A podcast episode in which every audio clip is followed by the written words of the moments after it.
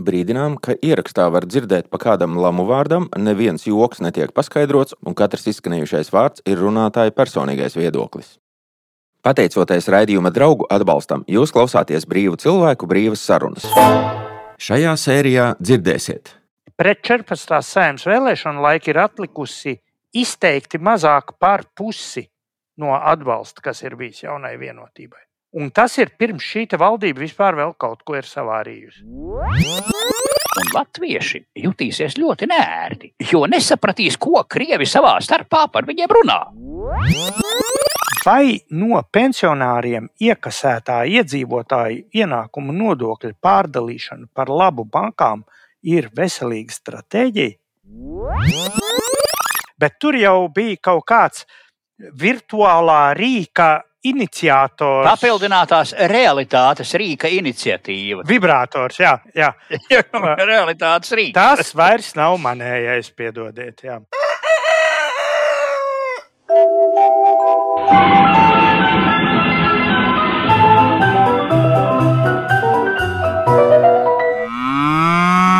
Jautājumi īsi provinces. Ja? jā, jautājumi Aha. no provinces.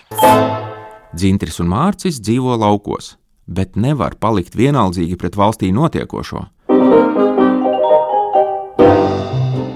Sveicināti, darbie klausītāji! Jūsu telefona aparātos un datoros atkal raidījums jautājums no provinces, un vecie zēni gatavi izteikties dzintri Vai tu esi sagatavojis lapiņas, pierakstus, zīmītes? Jā, jā, nu, diena kļūst īsāka, gan diena, gan naktis kļūst lietaināka, vairāk eh, laika. Nevis patikšanas strādāt ar dokumentiem, bet nu, kaut kas jau jādara. Mm -hmm, labi. Un, Mārci, vai tu esi paēdis, atpūties, gatavs arī parunāt? Es pirmdienās nēdu un citiem iesaku. Es tā saprotu, viena no tēmām šīs dienas sērijā būs par nēšanu pirmdienās, uz raidījuma beigām. Ne, viņš arī ir dusmīgs. Tad, tad var saglabāt dusmas. Cilvēks nē, viņš ir dusmīgs un tavs raidījums viņš ritīgi uzkurbulē. Nu, vismaz neguļ. Nu, tu tagad atklāji to noslēpumu par to, kāpēc mēs tieši pirmdienās rakstām šo raidījumu. Otradien nevarētu, jo viņš miermīlīgi murrā. Mārciņam ir atslodzes diena, un tad, ne, tad nekāds mjau nav, lai nebūtu nekāds mjau. Mēs sākam nopietni. Un tas uh, nopietnais, ar ko mēs šodien sāksim, ir ziņa no Latvijas. Es neredzēju nevienā panorāmā šo ārprātīgi svarīgo ziņu, un manuprāt, ārkārtīgi interesanto.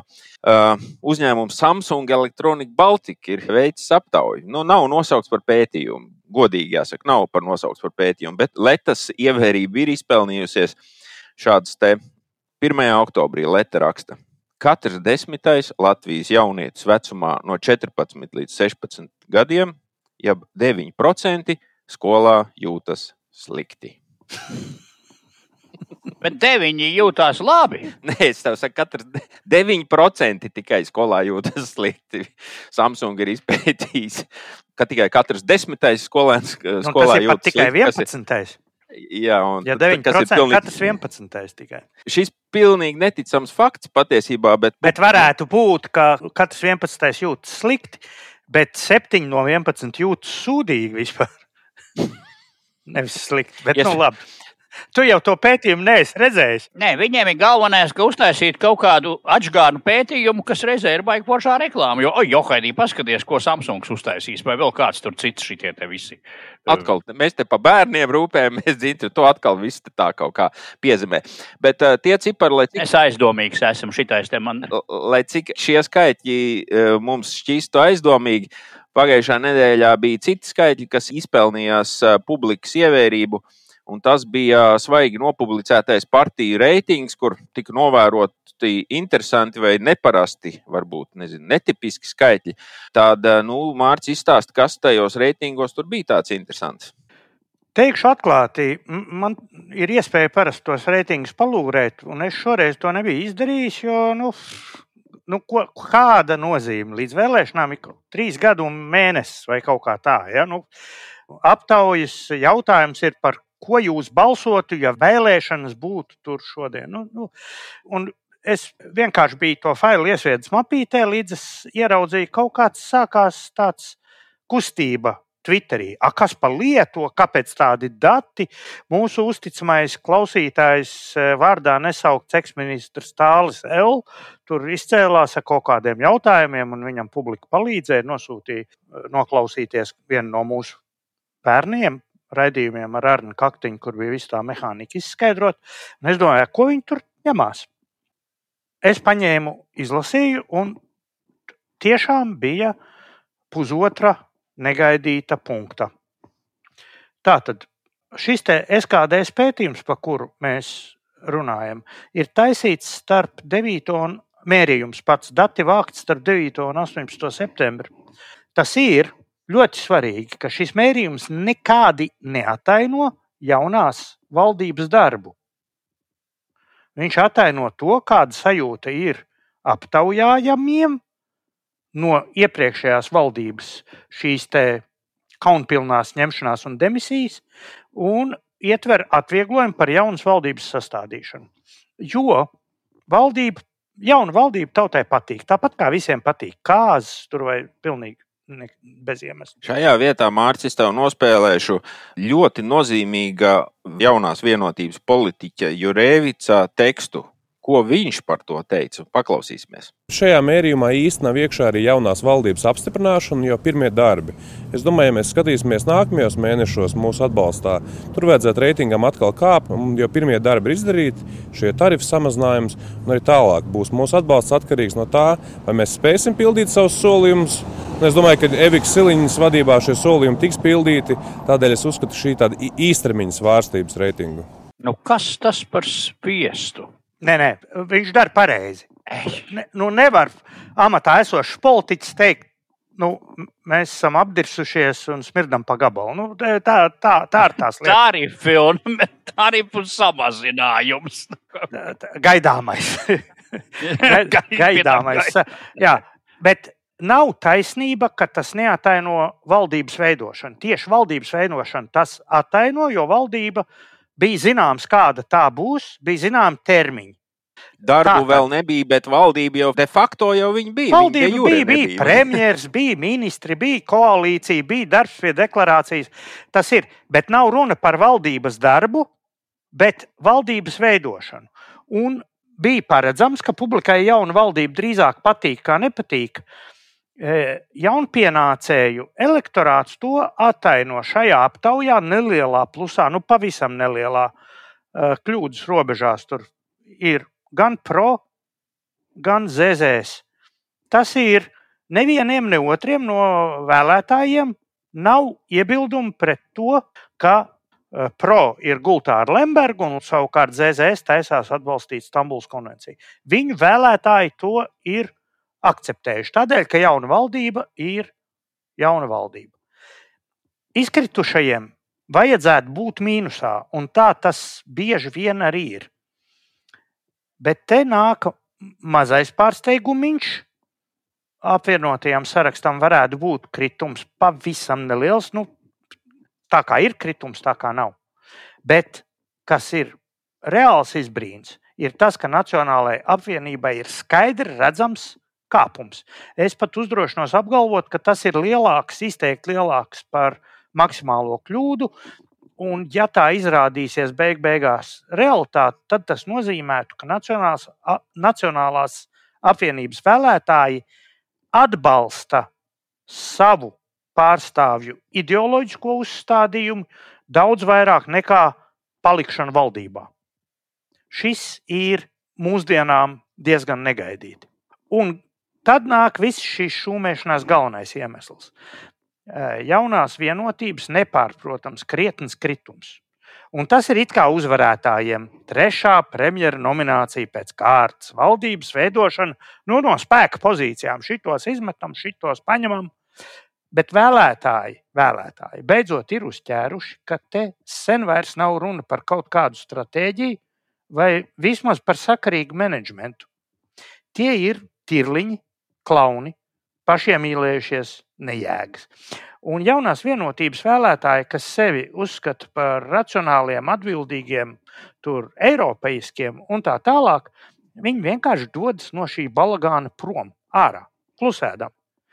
Uh, pret 14. saimnes vēlēšanu laiku, ja mēs skatāmies to aktuālo reitingu, kurš ir kritis trīs mēnešus pēc kārtas un pēdējā mēnesī sevišķi strauji.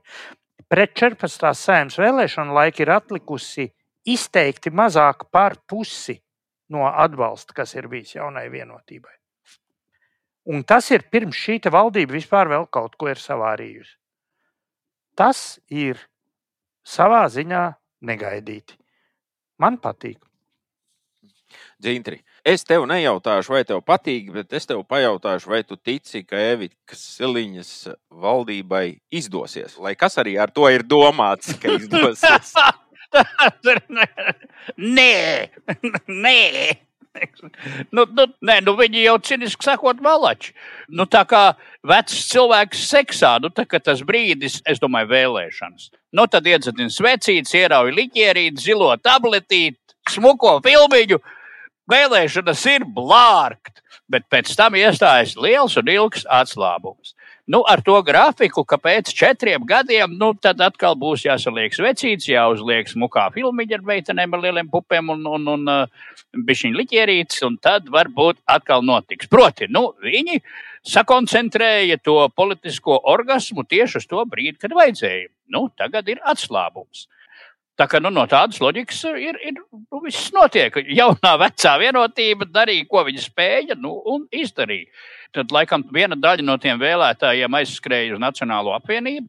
Nu, un tad tur sadalījās pie P. Un, es, es domāju, viņi sadalās, no kurienes tas Nacionālās apvienības kāpums ir nācis. Es neriskētu spriest, bet vēlētāju demonstrējums, ka viņi nav tik stulbi, kā pa viņiem runā. Iepriekšējās vēlēšanās izvieba ārā gan JKP, gan atparistus vienās vēlēšanās. Vēlētāji paskatījās un teica, nē, šitos sūdzus nē, ņemsim citus. Nu, paņēma citus. Izskatās, ka tieši racionālais jaunās vienotības vēlētājs jūtas reāli apčakarēts no visa šī, kas notiek. Tas ir negaidīti, jo viņu elektorāts īstenībā bija diezgan nu, tāds nu, slēpdamies aiz savas racionalitātes, bija diezgan stabils. Nu, ko tad citu? Mēs jau pa lembi nevaram, pa nacionāļiem dūlījiem nevaram, tie ir pret Stambulu. Nu, tad šitie ir eiropeiskie, būs jau labi, kā arī viņam brilles, smuks un nu, tā kaut kā. Izbeidzies! Vienotības vēlētājiem nākotne rādās drūmās krāsās, bet mūsu raidījuma klausītāji beidzot ir sagaidījuši tik ilgi solīto raidījuma mājaslapu jautājums no provinces.lv. Šīs sērijas aprakstā jūs redzat saiti, un jau uz tās nospiedīsiet, varēsiet gan noklausīties visas raidījuma sērijas, sākot no pašas pirmās, gan beidzot atkal atbalstīt raidījuma autors ar saviem ziedojumiem. Tātad spied uz jautājumus no provinces LV sērijas aprakstā un piedalies brīvu cilvēku brīvās sarunās.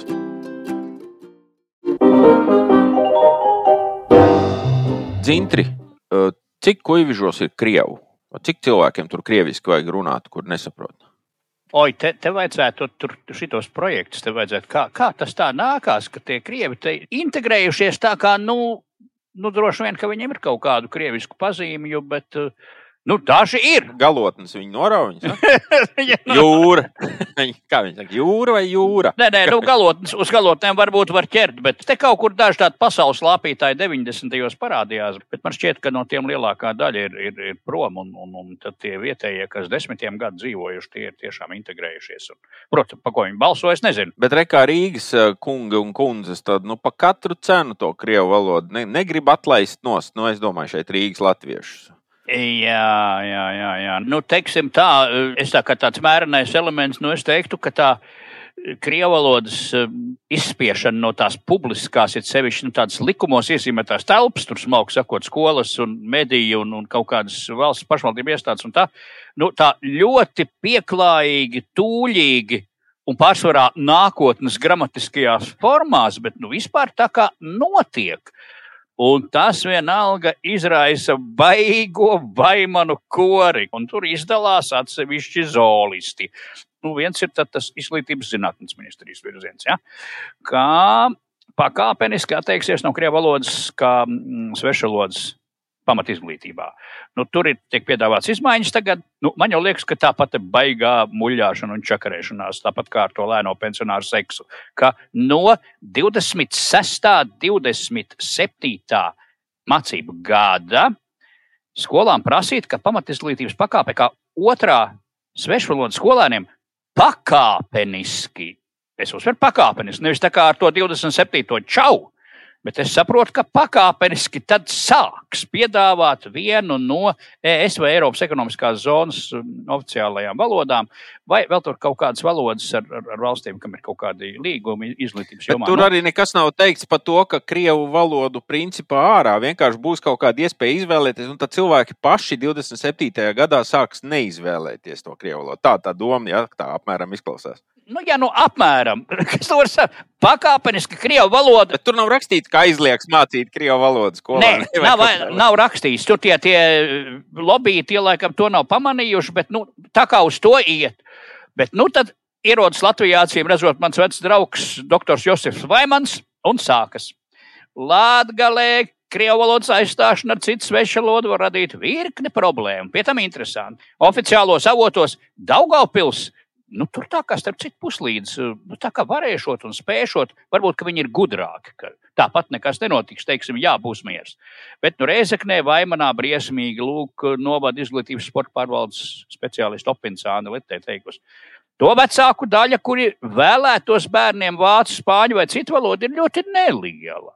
Tikai trīs novads skolās vispār tika mācīta vācu valoda, bet nu, pārsvarā jau, jau, jau tikai krievu valoda. Un, un pedagoģa trūkums būs briesmīgs, jo puse krievu valodas skolotāji jau ir pirmspensijas vecumā, un pārkvalifikācija nenotiks tik raiti, kā ministrija savā vīzijā tur pauž. Un, un sākuma skolas skolmeistari tie atkal valodas tikai līdz sestai klasē var mācīt. Tak, dievs un kungs.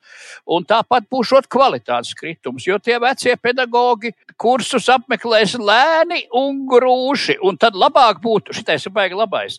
Vai tā nevarētu tā, ka nu krievu valodas vietā viņš mēģinātu citas slāvu valodas, poļu, bulgāru, čehu. Tas vieglāk būtu nekā, teiksim, pārkvalificēt. To skolotāju mums pietiek. Čehu valodas skolotāju mums te ir zina. jā, jā, lai iet Ukraiņi. Nu. Un beigās tur tie rēzeknieši ir vēl gudrāki par to ministri. Jā, ministrija prasot vācu un franču, bet tā izplatītāka pasaulē esot spāņu valoda. Tā kā baigi daudz rēzeknē būt spāņu speciālistu.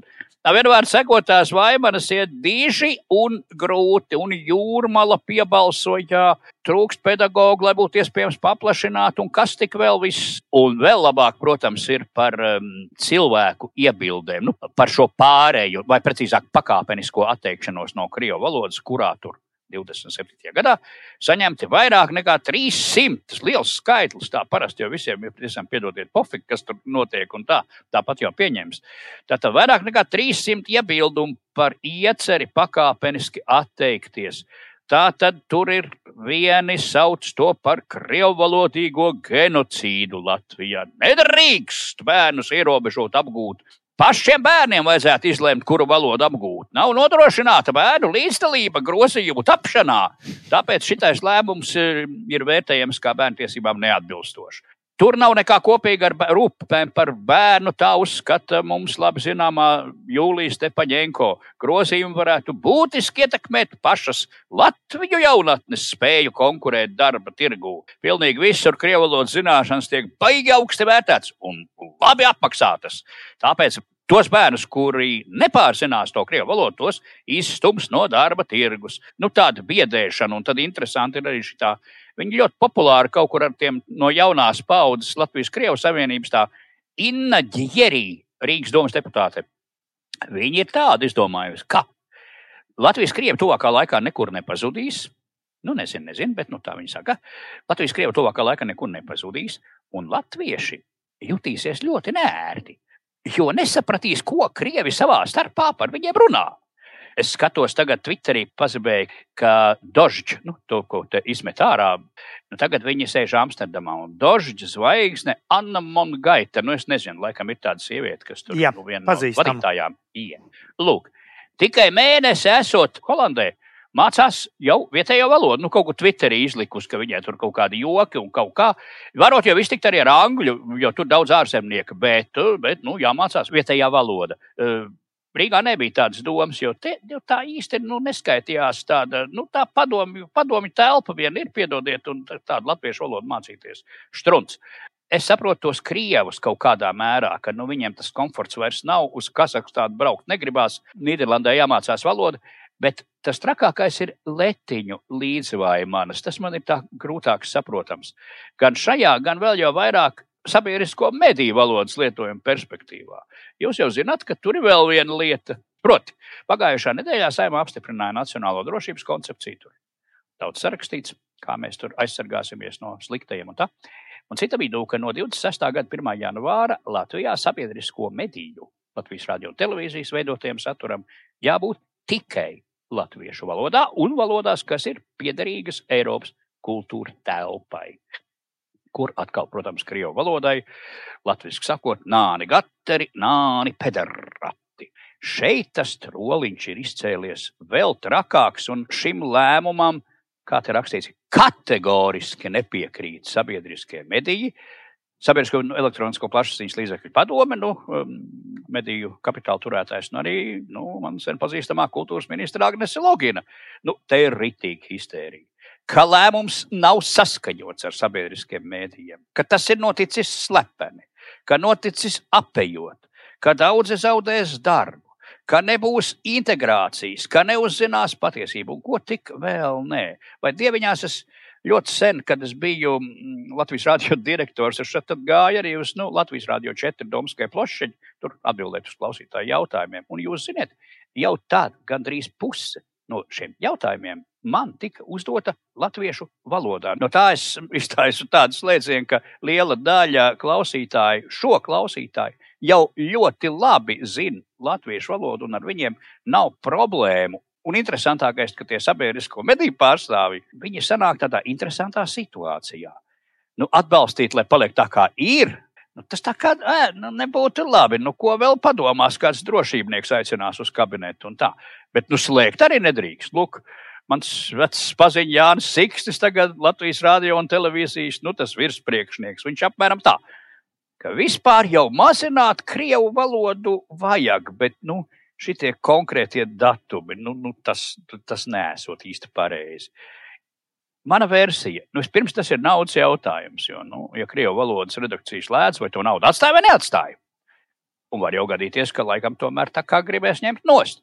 Otrs, ka es dzirdu tās politikas čiekuru atrunas par šo jautājumu, ka viņi vai nu tikko ir bijuši aizgājuši, vai vēl nav bijuši atnākuši, kad nolēmts tas par to krievu valodas um, ārā ņemšanu.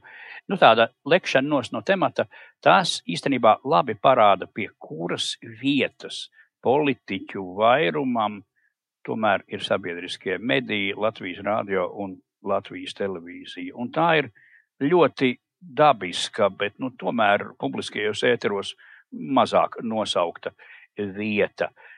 Un otrs, ka mēs laikam visi tomēr esam kaut kādā, nu, es nezinu, tradīciju, stereotipu, nu, ne visi, es nē, laikam, mēs esam pamazām pārdzīves, bet daļa ļaužu ir stereotipu un baiļu varā, ka nebūs krievu valodas. Nu, kā tad tā?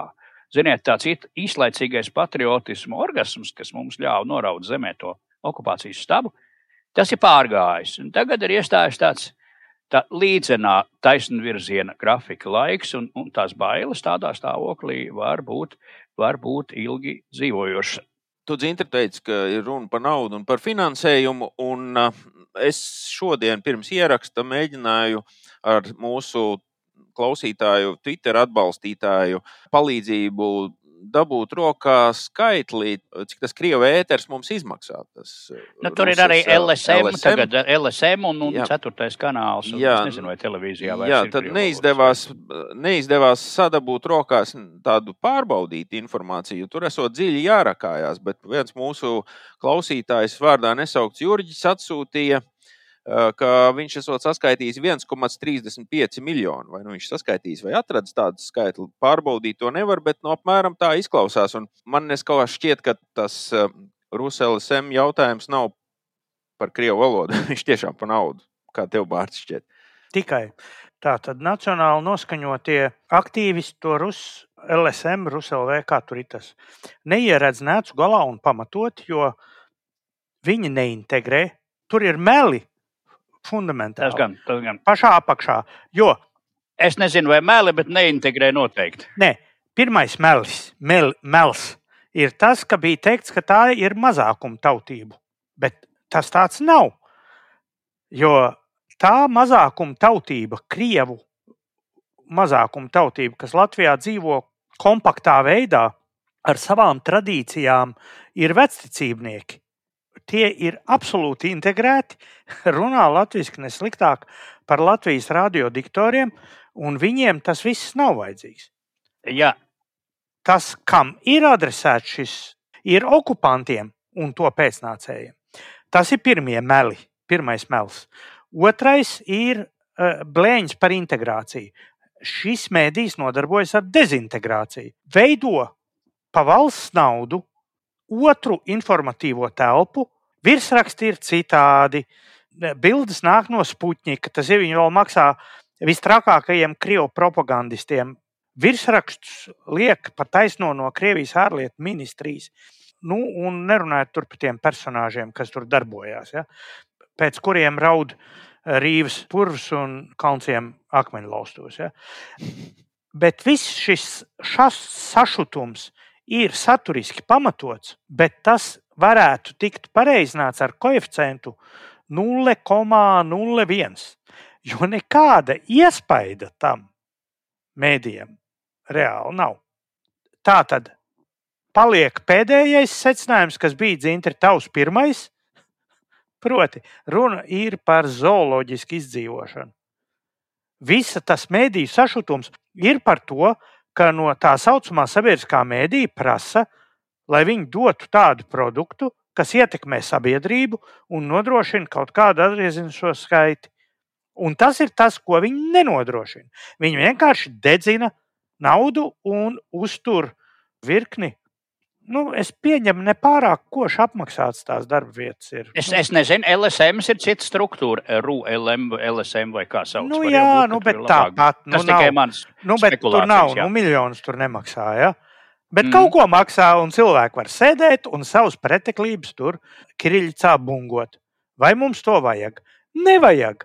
Un tādēļ visi tie, kas ir pieteikušies šeit aizstāvībai, ir skaidri pieteikušies, ka viņi ir vai nu zagļi, vai nelieši, vai sikšņu gadījumā nu, noderīgi idioti. Ja? Es vēl ar vienu uzturu spēkā. Es atceros, ka Twitterī mani, nu, laikam, tomēr uzskatīt par lojālu vairākumam, nu, nevis lamāju, bet tā drusku kaunināju. Bet man ir tā versija par to krievalodīgo saturu, ka varētu uztaisīt tādu ritīgi smago antiokupantu artilēriju, bet es laikam esmu drusku safārējies ar tiem ukraiņu medītālpas krieviskajiem. Unijānu un antizombiju un romāns cimbaļuks, un kas labāk krievu valodā dod ritīgi. Zintri, Bet es laikam zinu, ko tu teiksi. Tur nav jau to personāžu, kas to darīja. Nosauc, lūdzu, man Mikins ir prom. Nu, kurš, to, jā, kurš to varētu darīt? No. Nosauc. Man mīkinām, Kā Karlsons teica, Boksjaunkundzei, nosauciet pieci šo bērnu adresi, kas nu, tur tās kotletītes ēstu, ēstu nu, mē, mē, ar gardu mēs muti, varētu, bet, bet mēs jau nekādi krievalodnieki neesam. Nu, nu. nu, pi- Pirmkārt, Un otrkārt, mēs varētu nosaukt tos dažus YouTube kanālus, kur viņi pilnīgi mierīgi varētu retranslēt. Skaidrā krievu Un valodā, viss. kurš stāsta to, ko vajag. Arī tā, arī tā, jā. jā. un tavs dzintri priekšlikums iedot baigi cieto Krievu kanālu ir ļoti labs līdz tam punktam, ka nav to izpildītāju. Nav izpildītāji, jā, es nezinu, vai tāds varētu Pat savākt. teorētiski nav. Tā ir. Bet, bet, bet es šeit gribētu tādu nelielu jautājumu no provinces. Mums laukos, redz, mums laukos Twitterī. Paspīdēja tāda interesanta ideja, ka kāpēc tā brēka tieši tik ļoti tā jaudīga un viss reizē un viss kopā tur bija jābūt kādam iemeslam. Un tas iemesls varētu kaut kā būt saistīts ar to, ka mūsu kopīgais draugs un paziņa Ilja Kozins vairs nestrādā progresīvo birojā. À, viņš pēkšņi ir no darba ārā, ja laikam. Jā, un nesaki par tām mazajām maldziņām. Mēs nezinām, kādas tur tā ir uz LSS, LSM ir tās aldziņas. Varbūt viņas ir labas aldziņas. Varbūt vajadzēja Iljam palīdzēt. Nu, tā ir sazvērestības teorija. Nekāda pierādījuma, protams. Es, es labprāt pieņemtu, ka Iljas kā faktors tur iedarbojas, protams, bet visai šai publikai ir pietiekoši izteikti pašsaglabāšanās sajūta. Ja? Ir brīdī, kad uh, kino zālē kāds palaiž sērūdeņradi, bez teikšanas un bez ķīmiskās analīzes cilvēki dodas uz durvīm. Ja? Visi. Un šitie savukārt ar sašutumu skatās. jā, uz kaimiņiem kaut kā. Ja? Un šitie nav mācāmi, kā cīnīties par savām interesēm, gan saturiski, Visas šīs brauni ir radio un kā, kas tur televīzijā šito, Sigita, jā, jā. Jā, nodarbojas nu, ar, roķi. ar mediju vidas deģenerāciju. Ja? Viņi, viņām nav jāsazvanās, tur nav ko noklausīties. Viņi pietiekoši labi zina visu šī publika. Nu jā, par nabaga krievu valodas grūto likteni, es domāju, mēs raidījumā runāsim vēl. Šobrīd ejam tālāk. Pēdējā laikā mm, valdība vai valdīšana mēģina mūsu grūto likteni visādi mīkstināt un visādi mūs iepriecināt. Un, bieži vien labās vēsts ziņneša lomā pie sabiedrības tiek sūtīts Arvils Ašerādens, kurš kārtībā reiz pastāsta, kā valdīšana mums palīdzēs pārciest grūtos laikus. Mārcis, tev šķiet, ir kas piebilstams par šo? Es nekomentēšu vārdā nesaukt Arvila A priecas vēstis pa vienai un grupā. Es gribētu paskatīties drusciņ pa gabalu uz visu to, kas mums te ir uzkritis, un kā tas tiek kārtots un kā tas sanāk kopā ar valsts un sabiedrības attīstību, nācijas izdzīvošanu un uzplaukumu. Jūs jau jūtat, aiziet pavisam garlaicīgajā, pārslēdziet ātrumus, tie, kas nav to izdarījuši. Tātad tas, kas ir mums te uzkritis, ir inflācija. Cits starpā tās apkurss un degvielas cenas bija vēl pirms tā inflācijas rāviena. Hipotekārie procenti ir tagad nu, tāda reāla aktualitāte. Nu, visādas ķezas. Un kā šādām situācijā būtu jānotiek ideālajā pasaulē? Demokrātiskā sabiedrībā valdības centrālais uzdevums ir iedzīvotāju ilgtermiņa labklājība visplašākajā nozīmē.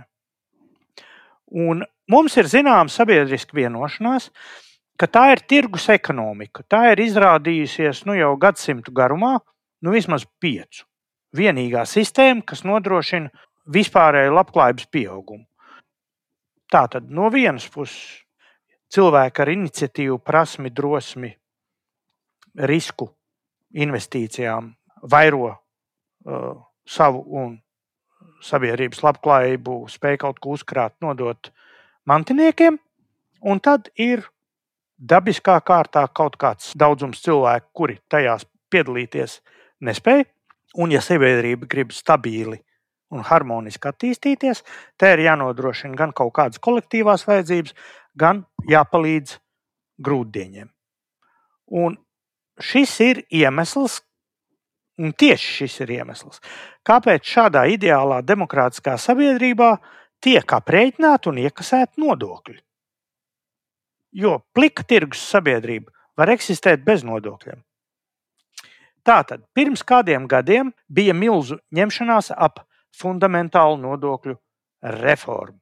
Tas ir Dana, Manuprāt, Dana, Dana ko izveida tur laikam. Jā, tas bija tā, tā laikam. Uzņēmumu ienākumu nodokļa reforma. Sadalītai peļņai 20%, reinvestētai peļņai 0% un atteikšanās no uzņēmuma ienākuma nodokļa avansa maksājuma pēc 2018. gada 1. jūlija. Stājās spēkā pirms tātad pieciem gadiem. Tas ir sens notikums jau. Un tagad ilustrācijai, kā tas notiek pašreizējā valdīšanas saprašanas līmenī.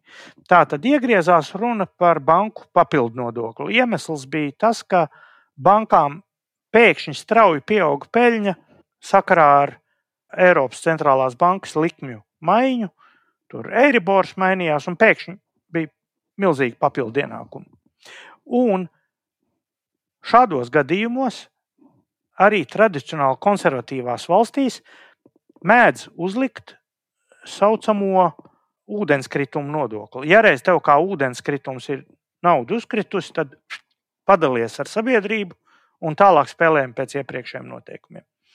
Un Lietuva šādu nodokli bankām pieņēma, un tad, kad Arvils Ašrādens, finanšu ministrs, tika ar to konfrontēts, viņš teica, nē, nē, tas variants mums neder. Kāpēc neder? Nu, neder. Nu, neder mums tāds, va, tāds variants, mums neder. Mums būs papildus uzņēmuma ienākuma nodoklis. Tie ir meli. Es izcelts meliem burtiem pats uzņēmuma ienākuma nodoklis netiek reformēts atpakaļ nekādā veidā. Viņš netiek palielināts, ne mainīts pēc būtības. Tas uzņēmuma ienākuma nodoklis ienāktu valsts kasē, tad, kad iesniegtu deklarāciju. Bet tagad viņš atkal tiek izgrābts avansā, jo mums vajag. Un mēs nevaram to papildu nodokli, reālo papildu nodokli, ieviest nekādu.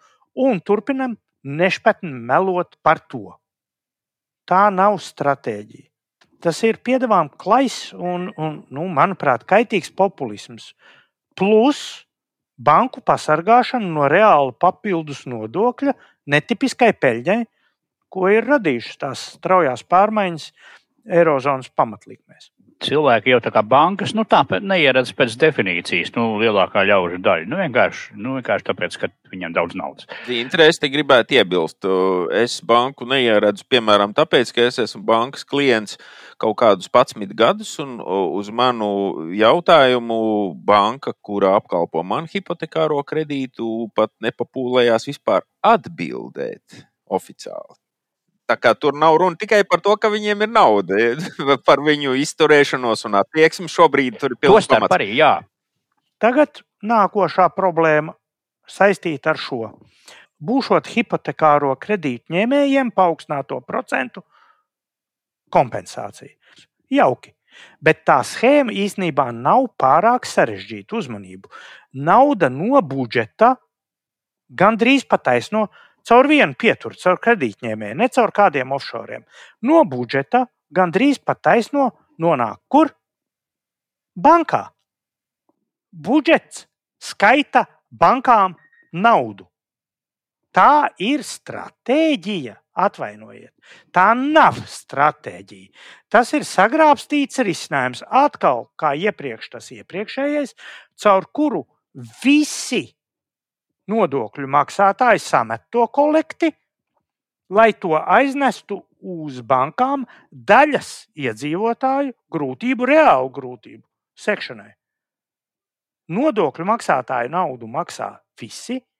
Hipotekārie kredīti ir apmēram desmitai daļai Latvijas iedzīvotāji. Un viņu grūtību sekšanai bankām budžets dos naudu.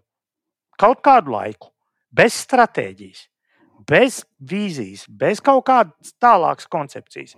Tas ir truls, kaitīgs, bīstams populisms.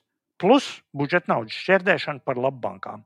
Bet šim vajadzētu dot labu pieaugumu tajos reitingos. Nu, viņi tā cer. Kuros ar Vilāšu rāda reitingos? Nu, vienotības reitingos, jā. Nu, man liekas, ka gluži otrādi, bet tur, tur nu, ir cita lieta. Nu, tad... Ja kredītņēmēji ir tik naivi un pensionāriem tas patīk, tad reitingi ies uz augšu, kā teica tur tas uh, jūra atrastais personāžs. Jurēvits. Jā, Jā, viss ies uz priekšu, uz augšu, uz komunismu uzvaru. 80. gadā būs komunisms. 980.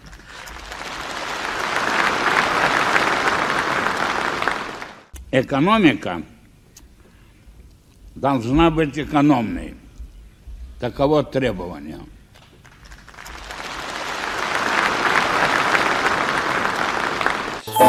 Es atkal vienu strateģisku punktu. Palīdzība no budžeta tiem, kam to vairāk vajag, ir tā saucamā atbildīgas tirgus sabiedrības praksa, nepieciešama praksa.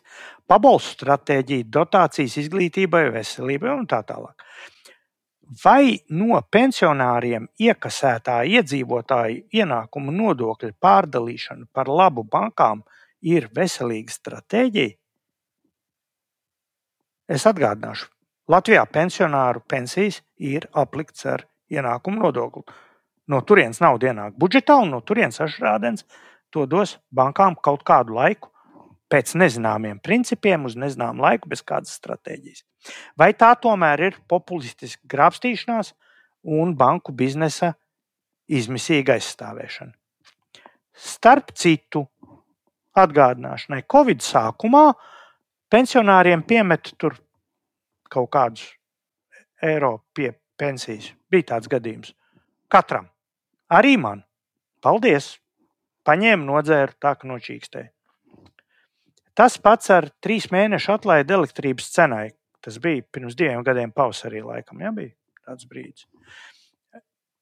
To starpību tehniski nemaksāja no budžeta, bet nolēma kompensēt tā, ka nemaksāja sadalījuma tīkliem to pārvades cenu.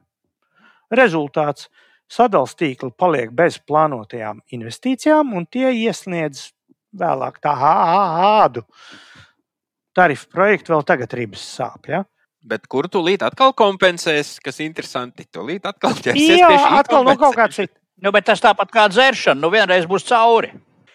Redzi, es šoreiz, pie kam tur pie tiem sadalījuma tīkla tarifiem, tur bija, protams, vēl tas nesmukums, manuprāt, graujošs nesmukums, ka valdība meloja un sadalījuma tīkla meloja ka tas pieaugums būs kaut kāds nu, tikpat kā nemanāms, daži procentiņi, un kas bija meli pirms, meli pēc, meli visā tajā laikā.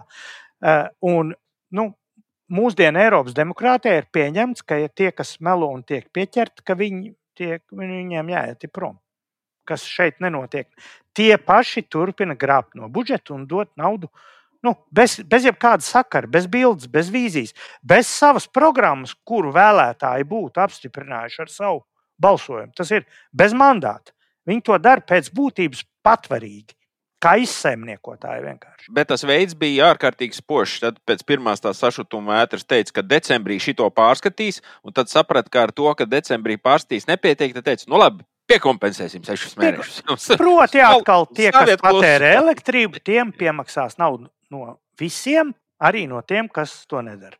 Pozitīvi noskaņoti klausītāji šeit varētu teikt, nu tādēļ jau tā kariņa valdība bija jāmaina. Nu, tagad atkal būs labi. Nu, ņemot vērā jau iepriekšējos raidījumos apsmaidīto premjerevikas atklāsmi par viņas vīziju, atcerieties, eh, viņas prāt, vidusslānis sastāv no tiem, kas reizēm var sapņot par iešanu uz teātri. Nevis iet, bet var sapņot par iešanu uz teātri. Dažreiz nopirkt zāles, Jā, ne, nu tā jau nu, tas var būt tā kā, nesapņot, bet pat dažreiz atļauties. Bet nu, par iešanas un braukšanu uz ārzemēm arī drīkst sapņot. Viņa koordinēja iepriekšējās valdības darbu, koordinēja pēc būtības. Viņa bija premjerministra parlamentārā sekretāra. Nu, faktiski tas, kuram tā politikas koordinācija jātur rokā, man šādas cerības nav. Ir skaidrs, ka šai jaunajai valdībai ir tieši trīs konkrēti uzdevumi. Manas paudzes cilvēki atcerēsies marksismu trīs avoti un trīs sastāvdaļas. Viens avots ir pro, progresīvie, kam ir jāpanāk šajā vairākumā apstiprināt mehānismus budžeta iztīrīšanai ar tūkstošu jaunu NVO starpniecību. Tas ir viņu plāns nu, formāli tā ir Stambulas konvencija, bet nav svarīgi. Tā būtība ir tam par godu pieķerties kārtīgi pie budžeta, kur viņi ir jūtas drusku iekavējuši. ZZS sastāvdaļa ir lemjam neatgriezties cietumā. Tas ir skaidrs, tas iet uz priekšu, mēs jau redzam. Ja? Un jaunai vienotībai uz tā fona ir savs sektors, tas ir banku un finanšu profesionāļu aplaimošana caur lielo uzņēmumu laišanu biržā. Viņi jau no tā nav atteikušies, tas visu laiku stāv. Ja. Tur, kā saka, meža cērta skaidrs lec, visiem tur būs labi. Nu, un visiem kopā par katru cenu garantēt okupantu valodas brīvu un plašu lietojumu, cita starpā maksājot par to miljonus no budžeta. Tas tā kā pats par sevi. Tā tad atgādinājumam, viena lieta ir tie LSM 1,35 vai cik tur miljoni, kas it kā ir miljons, bet izvilkts uz gadu mūsdienās. Bet es atgādināšu, no budžeta apmaksā ne tikai krievu valodīgos mēdījus, bet arī algas tiem krievu valodas skolotājiem, kuru mācīto otro svešu valodu šobrīd reāli uzspiež vecākiem, tāpēc, ka cits nav iespējams. Un tu, tas, es domāju, ir nu, daudzkārt vairāk nekā visi šie uh, krievu LSM izdevumi. Un to visu šī valdība aizstāvēs nu, līdz pēdējam. Un, uh, kā lai saka, apsveicu arī tā skaitā pro un jaunās vienotības vēlētājus ar šo izcilo sasniegumu. Mīļa apsveikumu!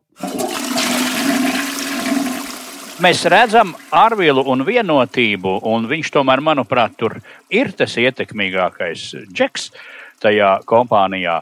Un te nu būtu īstā vieta, kur tie mediji varētu analītiski un visādi citādi izgaismot to, ko Mārcis diezgan populāri, bet garlaicīgi stāstīja. Te būtu tā vieta, kur tad varētu ar to dārdināt no laika uz laiku visos medijos un patiešām sataisīt tādu mediju telpu, kurā vienotība varētu justies mazākais neērti. Tā nenotiek. Līdz ar to nu, man ir secinājums, ka jā, ka mediji kaut kādā mērā ir jaunās vienotības pamatā. Tīri praktiski tagad pieņemsim, ka uz jums neatiec ne tur malkas cenas, ne tie hipotekārie kredīti. Bet atcerieties, kas notika par Uber grābstīšanos attiecībā uz veselības budžetu tagad Kariņu valdībā. Ja? Tika izdiskutēts budžets, premjeram ar finanšu ministru jāiet cauri, kuram iedod, kuram nedod, un tas notiek mēnešiem, un tad to ņem un pēc lielas izkaušanās nobalso. Un tad izrādās, ka veselībai nav iedots pat tas, kas ir pašu programmās, un pašu deklarācijās iekšā.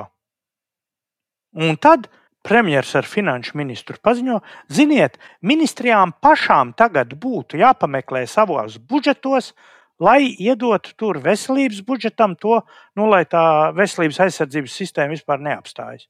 Tā nav pat īsta pornogrāfija. Tas ir pilnīgs absurds, ka tajā brīdī, kad izdiskutēts budžets, kas ir premjera un finanšu ministra atbildība, apstiprināts budžets, pēkšņi izrādās, ka pārējām ministrijām ir jāmeklē savos budžetos iespēja kaut kā, nu, tur tā kā, vai jums lūdzu nav krekls, kuram apaklīt izdilus, iedodiet tur tam, nu, tam nabagam pavalkāt. Ja? Nu, kaut kāds pilnīgs kretīnisms.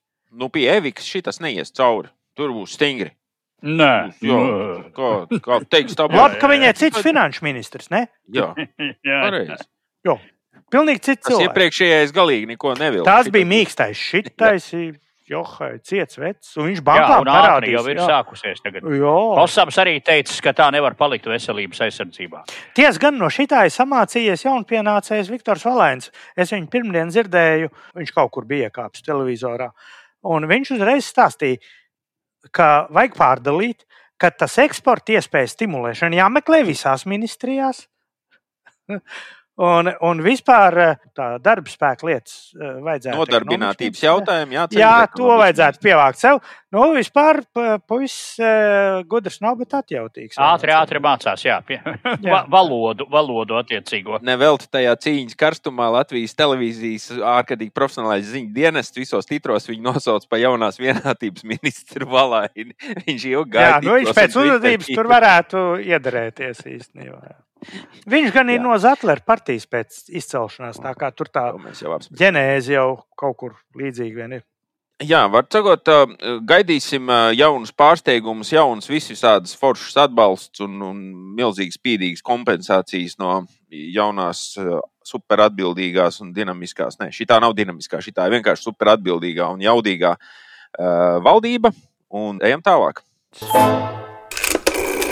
Kamēr jaunā dinamiskā valdība plāno savu nākamo izgāšanos, mēs gatavojamies pirmajam raidījuma speciāla izlaidumam, kurā atbildēsim uz klausītāju iesūtītajiem jautājumiem. Vēl joprojām gaidām arī tavu jautājumu. Tu to vari rakstīt Twitterī, YouTube, Facebook. Tu vari mums sūtīt arī e-pastu. Tu vari sūtīt īsiņas WhatsApp vai SMS pa numuru 234, 77, 667, bet visvairāk mēs priecāsimies par ierakstiem mūsu balss pastā vai balss izziņām WhatsApp. Tagad tu vari noteikt, par ko Dzintris un Mārcis runās raidījumā. Izmanto šo iespēju, sūti savu jautājumu speciāli izlaidumam. Dzintri Mārcis pieminēja budžeta iztīrīšanu caur nevalstiskajām organizācijām. Nu, nevar taču tā būt. Nē, nu, nevar būt, ka nevalstiskās organizācijas vispār ir budžeta iztīrīšanai. Tu tur es papētījis kaut kādu vienu organizāciju, kas laikam nav gluži nevalstiska, bet nu, tā ir cieti pret iztīrīšanu. Tā ir stingri valstiska. Un organizācija, kura pārauga šogad, pagaidiet, cik tur viņiem ir tie projekti sadalīti, ka tik nekādi 17 miljoni nozarē, kura arī, un droši vien, ka pamatoti visu laiku kliedz par finansējumu trūkumu, tā ir zinātne. Arī zinātniekiem ir jābūt gana veikliem, vai tiem, kas par zinātniekiem domājas, esam. Eh, un uzmanīgi jāsako līdz dažādu naudiņu izsludināšanai. Tāda situācija var būt dažreiz eh, gluži, nu, es teiktu, tādā krējumā ļoti labā. Un man pat šķita, izlasot tos projektus, ka arī Kuiviša veikala politbirojas varētu iesniegt diezgan droši pat vairākus, vismaz spriežot pēc projekta virsraksta un tālākā apraksta.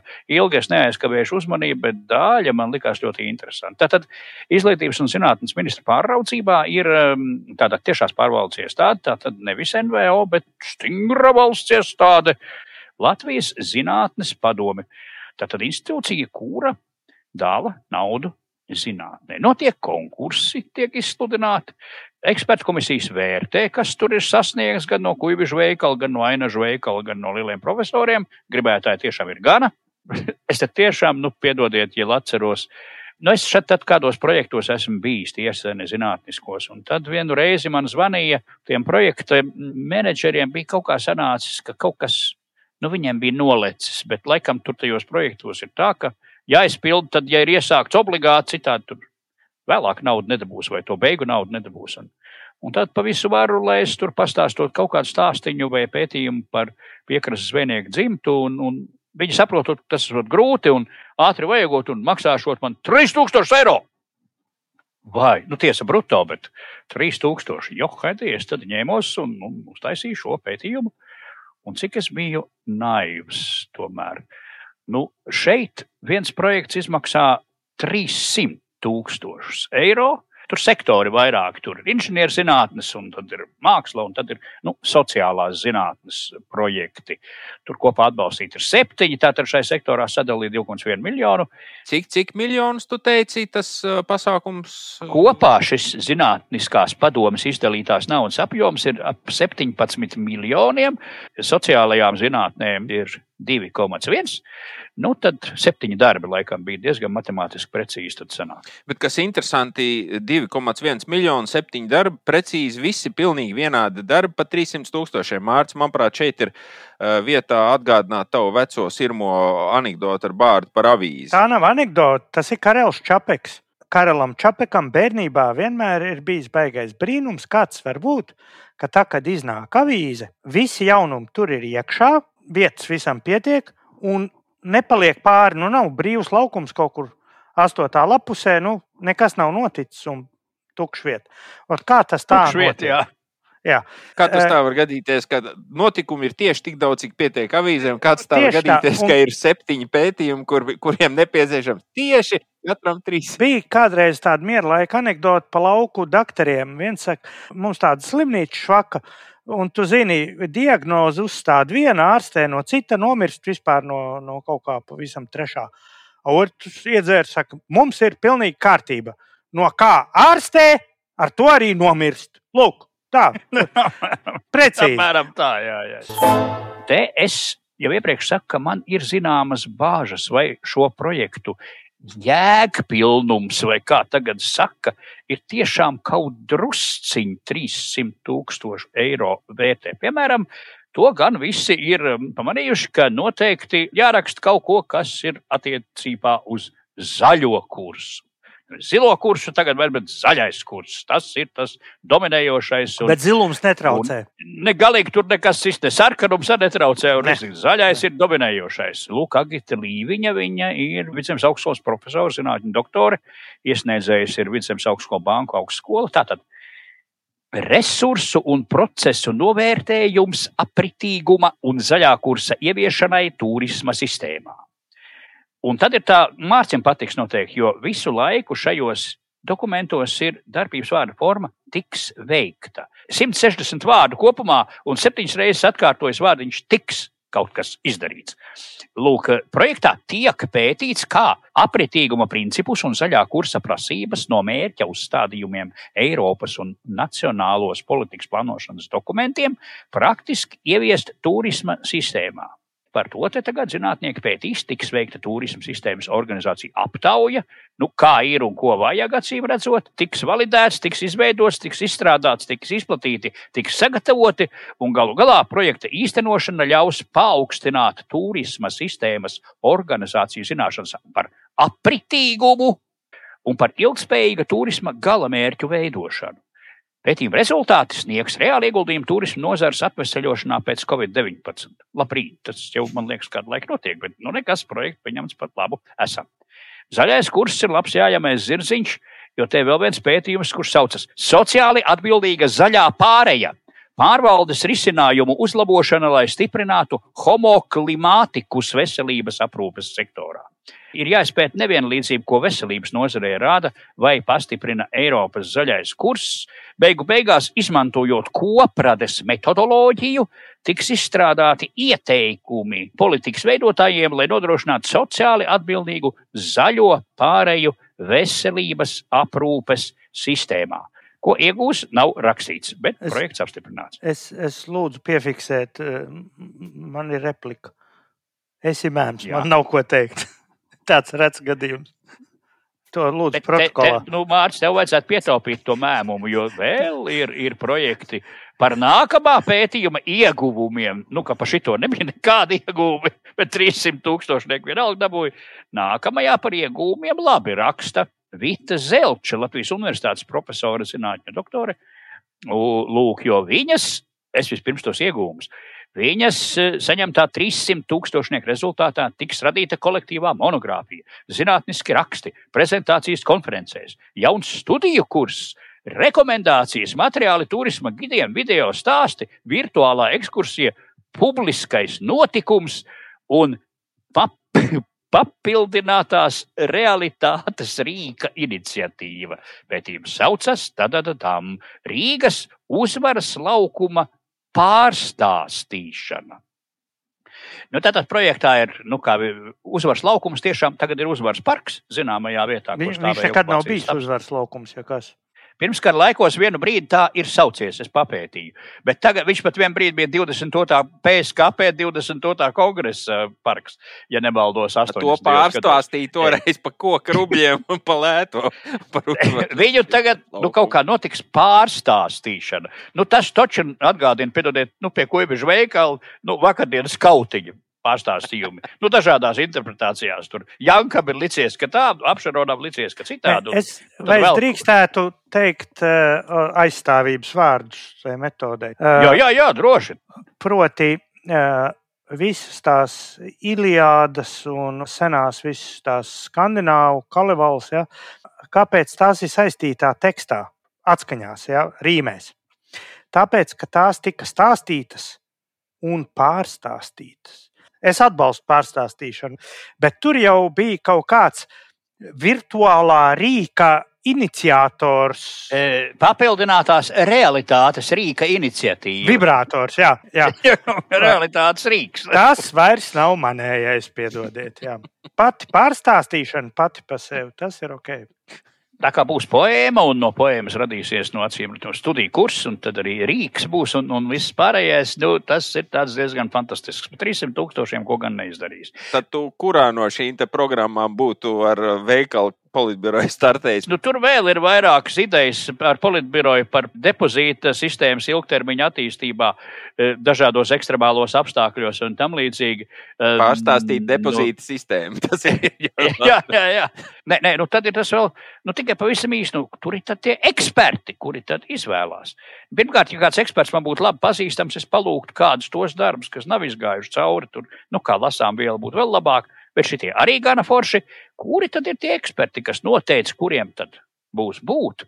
Un kuri ir nu, nepareizi un nesaņēmis ne 300, ne 30, un pat ne 3000. Tur dažādas tās komisijas ar dažādām zinātnēm. Nu, te vienīgi tā, ka e, šī sociālo zinātņu sektora komisijas lielākā vārdu daļa, nu, neko auditorijai droši vien pārāk neizteiks. Zinām, ir tikai interesanti divi uzvārdi, ka vadītāja priekšniece šai ekspertu komisijai ir mums labi zināmā omulīgā kundze Baiva Rīvža. No Latvijas lauksaimniecības akadēmijas atceraties, kuras nu, iejūtīgā vadībā tika uztaisīts pētījums par salātiem. Sagriež tomātus sagriež gurķus kopā. Tas bija viņas iejūtīgā vadībā. Tikai tur bija cits skaitlis, nu, tur bija pusotrs miljonus kaut kā. Lūk, lūk, tā kā tur rociņi ir piesista un tāpat laipni smaidot šeit arī tiek dalīts naudiņas komisijā. Ir starp citu vēl ar vienu arī kāds Andris Sprūts no Rīgas Stradiņu universitātes. Jā, kas tas tāds? Ne? Es nezinu, vai viņi. Jā, bet, bet man ir aizdoms, ka es esmu viņu citējis kādā citā sakarā. Kā viņš vēl paspēja tajā komisijā tos, tos ūdeņus nolasīt, ir grūti spriest. Bet tāda nopietnāks sveiciens būtu mūsu raidījumu klausītājiem, herr doktor profesor Jānim Ikstenam, kurš, manuprāt, joprojām ir dekāns ja, fakultātes. Ja, un viņš katreiz sūkstās un sunīja politiķus par to, ka viņi nepilda nu, zinātnes finansējumu, to likumu, procedūru, cik tur jābūt naudai. Herr doktor, profesor Jāni, paskaties, lūdzu, kam tiek zinātnes nauda tērēta un kā mēs, lauku pensionāri, vērtējam šo, un vai mēs iestāsimies tevis un zinātnes aizstāvībai, ko vajadzētu darīt pēc visa šī, ar ko tomēr nodarbojas, kā to padomu sauc, Dzintri, varētu vēl vienreiz? Latvijas zinātnes padome. Lūk, Latvijas zinātnes padome pa 300 tūkstošiem pārstāsta laukumu stāstus. Ja? Es neteiktu, ka tā ir centrālā problēma, bet no publiskā tēla viedokļa ap divas trešdaļas no SIF budžeta šī ir nosaukta. Ja? 17 miljoni, no SIFām 31. Jā. Nu, tā. Nav tā, ka viņi visi ir tikai pie SIFA, lai arī tur ir daudz lielāks bars. Un tagad būs stambulētāji vēl lielāks bars. Uh, nē, mm. tur liela daļa inženierzinātnēs, ķīmijā, un kas es nešaubos, ka tur viss ir normāli. To mēs mārci nezinām. Jā, Varbūt tur ir vēl trakāks maskēšanās vārdi. To jau mums vienmēr pārmet, Jā. ka mēs jau te varam ņirkt, bet mēs jau nesaprotam, mēs jau neesam tik gaiši un izglītoti, lai saprastu, kādu labumu un neizmērām sabiedrībai dod tā uzvaras laukuma pārstāstīšana. Ne, mūsu, mūsu uzdevums ir norādīt. Ne, šo iebildi, ka mēs nesaprotam attiecībā uz sevi, es pieņemu pilnībā. Tur bez Es da, daļēji, daļēji teiktu, tomēr, nu, zinu, kā. Vārdu sakot, dzintri, jāmet uh, mūsu izslavētā kautrība vai kautrīgums pie malas. Nekādus tur projektiņus pa 3000 ne tev vajag rakstīt, ne, ne taviem politbiroju depozītu zinātņu kandidātiem, kas tur pulcējās. Uh, ir vieta, kur izvērsties, gatavojies, uh, varbūt, nezinu, raidījums pēc pāris gadiem beigsies, un tad tu varēsi kaut ko beidzot, kaut ko sakarīgi darīt, kaut ko par tādām labām naudiņām, kā saka. Mārcis, raidījuma sākumā jau pieminēja, ka tu runās par ēšanu. Raidījums tiešām jau tā mega ievilcies un, un krietnā stundā. Visi ir izbadējušies klausoties šo raidījumu, nav iespējams ēst. Mēs zinām, gaida, ka tas beigsies. Tad tikai ēdīs, ka Mārcis, tu varbūt uh, pakomentē, kur tiem cilvēkiem doties un ko ēst, ko neēst, kas labi, kas slikti. Tu esi kaut ko apkopojis. Es biju to iecerējis kā savu jauno žanru par trīs ziņām - par labo ziņu, par slikto ziņu un par mīklu. Un man būtu jāsāk ar graujošu tekstu no klasikas, Tātad Gogoļa revidents sākas ar frāzi pilsētas priekšnieks Kungi, es jūs attaicināju, lai pavēstītu jums gaužām nepatīkamu ziņu. Pie mums brauc revidents. Jā, labā ziņa ir tāda, ka par 1,27 miljoniem eiro pie mums brauc revidents. Un eh, brauc pie mums, ak, atvainojiet man franču valodu, Manufacture Française de Pneumatiques Michelin, proti tie, kas taisa riepas īstenībā. Viņi tie ir tie paši, kas no 26. gada taisa grāmatu, kurā ieraksta iekšā tos restorānus, kuros ir vērts piestāties. Tie, kas kaut ko saprot no turisma un no restorāniem, nemirkli neapšauba šī pasākuma pozitīvo pusi. Tas ir labi. Vai tas maksā 1,27, 1,72? To es nezinu, bet nu, tas maksā naudu tos uzraugus, revidentus te atsūtīt. Līgums ir izpildāms līdz 25. gada 31. oktobrim. Un šie pirmie restorāni tiks nosaukti jau pēc neilga brīža, 21 novembrī.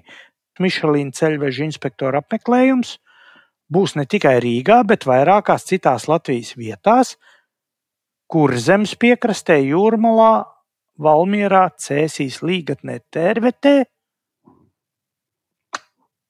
nav. Ko jūs neapmeklēsiet? Bet eh, Latvijas mērogiem šis mājiņš, teiksim, par līgatni droši vien izklausās ārkārtīgi jautri, jo tur ir diezgan skaidrs, uz kurien viņi tur ies. Jā. Nu, jā. Līdzīgi tā tērvete visticamāk ir domāts Zoltners, kas tur ir tērvetes apkaimē, kurš varētu būt to tīri pelnījis. Jā. Pagaid, bet viņi paši neko nemaksā tie krogi. Ja? To es nezinu. Es nezinu to procedūru, kā tur pēc tam. No labi. nu, viņi atnāk un ēd pa brīvu. Teiksim atklāti, ja tev nav viesnīcām starptautiskās, tur 4 un 5 zvaigznes kaut kādā pilsētā, tad tur nekādu pasākumu nevar rīkot. Un, ja tu neesi Michelīna ceļvedī, tev nav pietiekošs restorānu skaits, tad taisnība sakot, tu esi mežonis. Tu neesi, nepiedari pasaules Eiropas civilizācijai gastronomiskajā nozīmē. Un līdz ar to šī ir labā ziņa Mišelīna ceļvedis beidzot šeit ir ievilināts un kaut ko jau ieliks. Ja? Tagad sliktā ziņa. Biju es pirms pār trīs nedēļām Tartu. Nejauši ar pirkstu ietrāpīju tajā Tartu kartē un izrādījās, ka tas restorāns, uz kur es gribēju iet, bet pārdomāju, kad ieraudzīju, tur cenas bija Mišelīna restorāns. Tartu tādu ir trīs. Tie, kas nezina, kas ir Tartu, tērbata kādreiz. Dienvidu-Igaunijas lielākā pilsēta, Igaunijas otra lielākā pilsēta. Iedzīvotāju skaits tur ir 97,435. Rīgā oficiāli pēc šiem pašiem datiem ir 8,5 reizes vairāk. Tartu Mišelīna ceļvedī jau sen ir trīs restorāni. Rīgā pēc šīs proporcijas būtu jābūt 20. Es nerunāju par Michelin zvaigznēm. Tas ir kaut kas drusku cits. Izcilo restorānu Igaunijā kopumā ir uh, septiņi gabali. Nu, tie, kas ar zvaigznēm un to gurmē. Kopumā Igaunijā ir 34. Michelin ceļvedī jūs varat uzgooglot Rīgā. Tu uzsit to meklēšanas instrumentu un tev viņi pasaka, Nāni Gaters. Nāni Federati, citējot Dzintri, kurš citēja latviešus, kuri citēja čigānus. Ja?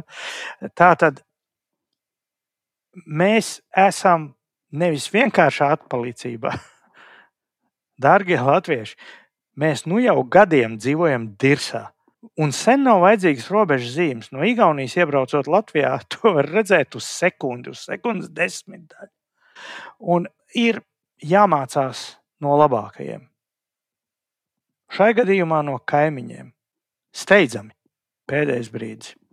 Tā kā labā ziņa Mišelīna pie mums brauc revidents, sliktā ziņa mēs atpaliekam vienkārši par paudzi no Igauniem. Un mīkli ir tieši kādā veidā valdība šito sadirsīs. To es nezinu. Gan jau kaut kā. Bet superalkohola veikali vienalga ir latviešu robežas pusē. Jā, jā tas jā. ir tas, ko mēs mākam. Ar ko mēs atbildam? Iefasētus dzērienus, jā.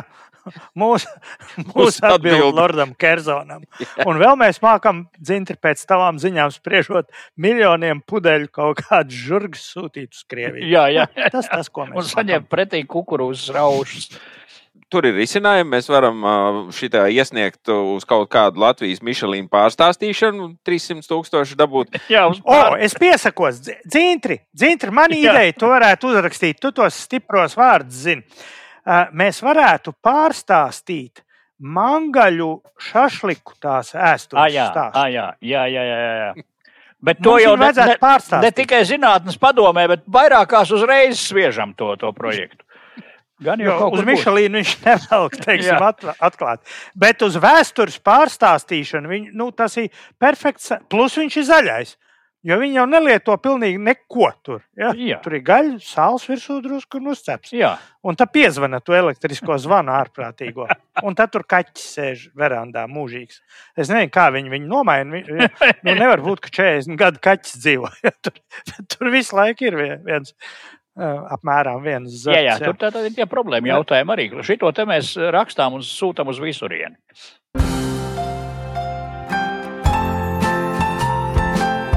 Jā, var sakot, dzīvojam tik nost, taisam projektus, taisam nākamo raidījumu un tiekamies jau nākamnedēļ. Caur pārstāstīšanu. Visu gaišu! Tā tā. Paldies, ka izturējāt! Atgādinām, ka raidījums var skanēt tikai un vienīgi pateicoties klausītāju atbalstam. Ja arī tu gribi palīdzēt mums turpināt atklāt neiedzības, skaidrot piņķerīgus jautājumus un saukt lietas īstajos vārdos, tad ziedo latviešu podkāstu atbalstam. Ziedojuma lādīti atradīs tepat zemāk šīs sērijas aprakstā. Un kā ziedotājiem, tev pienāksies īpaša priekšrocība. Tu varēsi klausīties raidījuma atbalstītājiem veidotās speciāli izlaidumu sērijas un tiešraides. Viens ziedojums padara tevi no parasta klausītāja par raidījuma aizbildni. Pateicoties tev, brīvu cilvēku brīvas sarunas turpinās skanēt.